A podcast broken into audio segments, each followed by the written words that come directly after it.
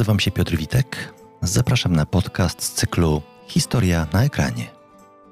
Odcinek pierwszy strategie uhistoryczniania filmowego świata przedstawionego i narracji filmowej w kinie historycznym. Wprowadzenie.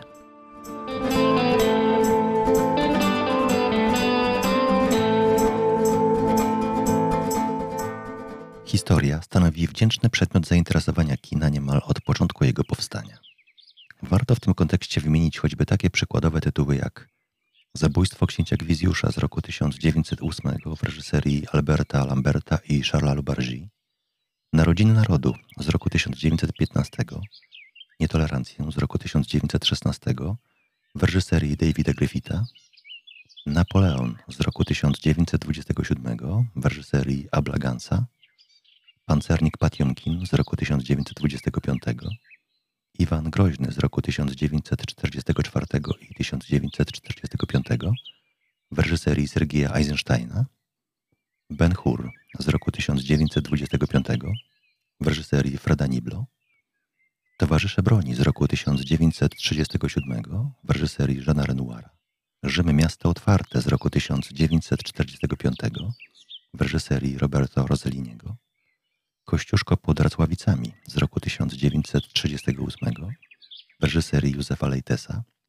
Zakazane piosenki z roku 1946, reżyseria Leonard Buczkowski, Ostatni etap z roku 1947, Żołnierz Zwycięstwa z roku 1953 w reżyserii Wandy Jakubowskiej, Kanał z roku 1956 i Popiół i Diament z roku 1958 w reżyserii Andrzeja Wajdy i wiele, wiele innych. Współcześnie kino historyczne jest przedmiotem zainteresowania nie tylko historyków filmu i filmoznawców, ale także historyków, w tym w szczególności teoretyków i metodologów historii. Traktują oni film jako narzędzie poważnej refleksji o historii i przeszłości stanowiące realną alternatywę dla oficjalnej akademickiej historiografii, a twórców filmowych postrzegają jako niekonwencjonalnych historyków, będących partnerami w debacie o przeszłości i historii dla licencjonowanych badaczy minionych światów. W związku z powyższym, film historyczny rozpatrywany jest przez historyków nie tyle jako dzieło sztuki, wytwór społecznej praktyki artystycznej, ile audiowizualna narracja historyczna mogąca wnieść coś interesującego do debaty o przeszłości. W tym miejscu zastanówmy się nad statusem filmu jako narracji historycznej. Innymi słowy, nad tym, w jaki sposób film staje się historyczny. Film, dokumentalny czy fabularny, będąc jedną z form modelowania i zapisu doświadczenia społecznego, oraz konstruowania różnych wariantów światów możliwych w akcie filmowania, staje się historyczny wówczas, gdy za taki zostanie uznany przez widzów, badaczy w obrębie określonej wspólnoty interpretacyjnej.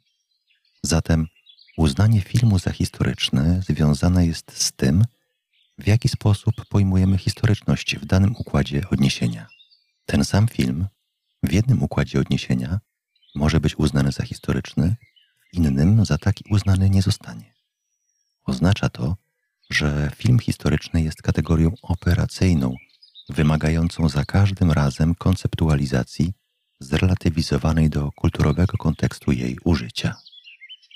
Na potrzeby prowadzonych przeze mnie tu rozważań posłużę się konceptualizacją filmu historycznego zaproponowaną przez Zygmunta Machwica. W opinii tego autora film historyczny ma charakter synkretyczny co oznacza, że istnieje i funkcjonuje w wyniku międzygatunkowej i międzyrodzajowej instrumentacji. Zatem film historyczny jest nazwą zbiorczą, obejmującą różne struktury genealogiczne, których temat odnosi się do przeszłości. Wsparty jest wiedzą historyczną, która w połączeniu z fikcją daje uogólniony obraz przeszłości, pozostający w możliwościach percepcyjnych widza wyposażonego określoną świadomość historyczną. Uznanie danego filmu za filmową narrację historyczną w obrębie wspólnoty interpretacyjnej uzależnione jest od tego, w jakie oznaki historyczności twórca wyposażył ekranowe dzieło oraz od kulturowych kompetencji odbiorcy. To znaczy od umiejętności rozpoznania w określonym dziele znaków i formuł pełniących funkcję oznak historyczności ekranowej opowieści. Oczywiście poszczególne znaki i formuły będące oznakami historyczności filmowej narracji historycznej mają charakter relatywny.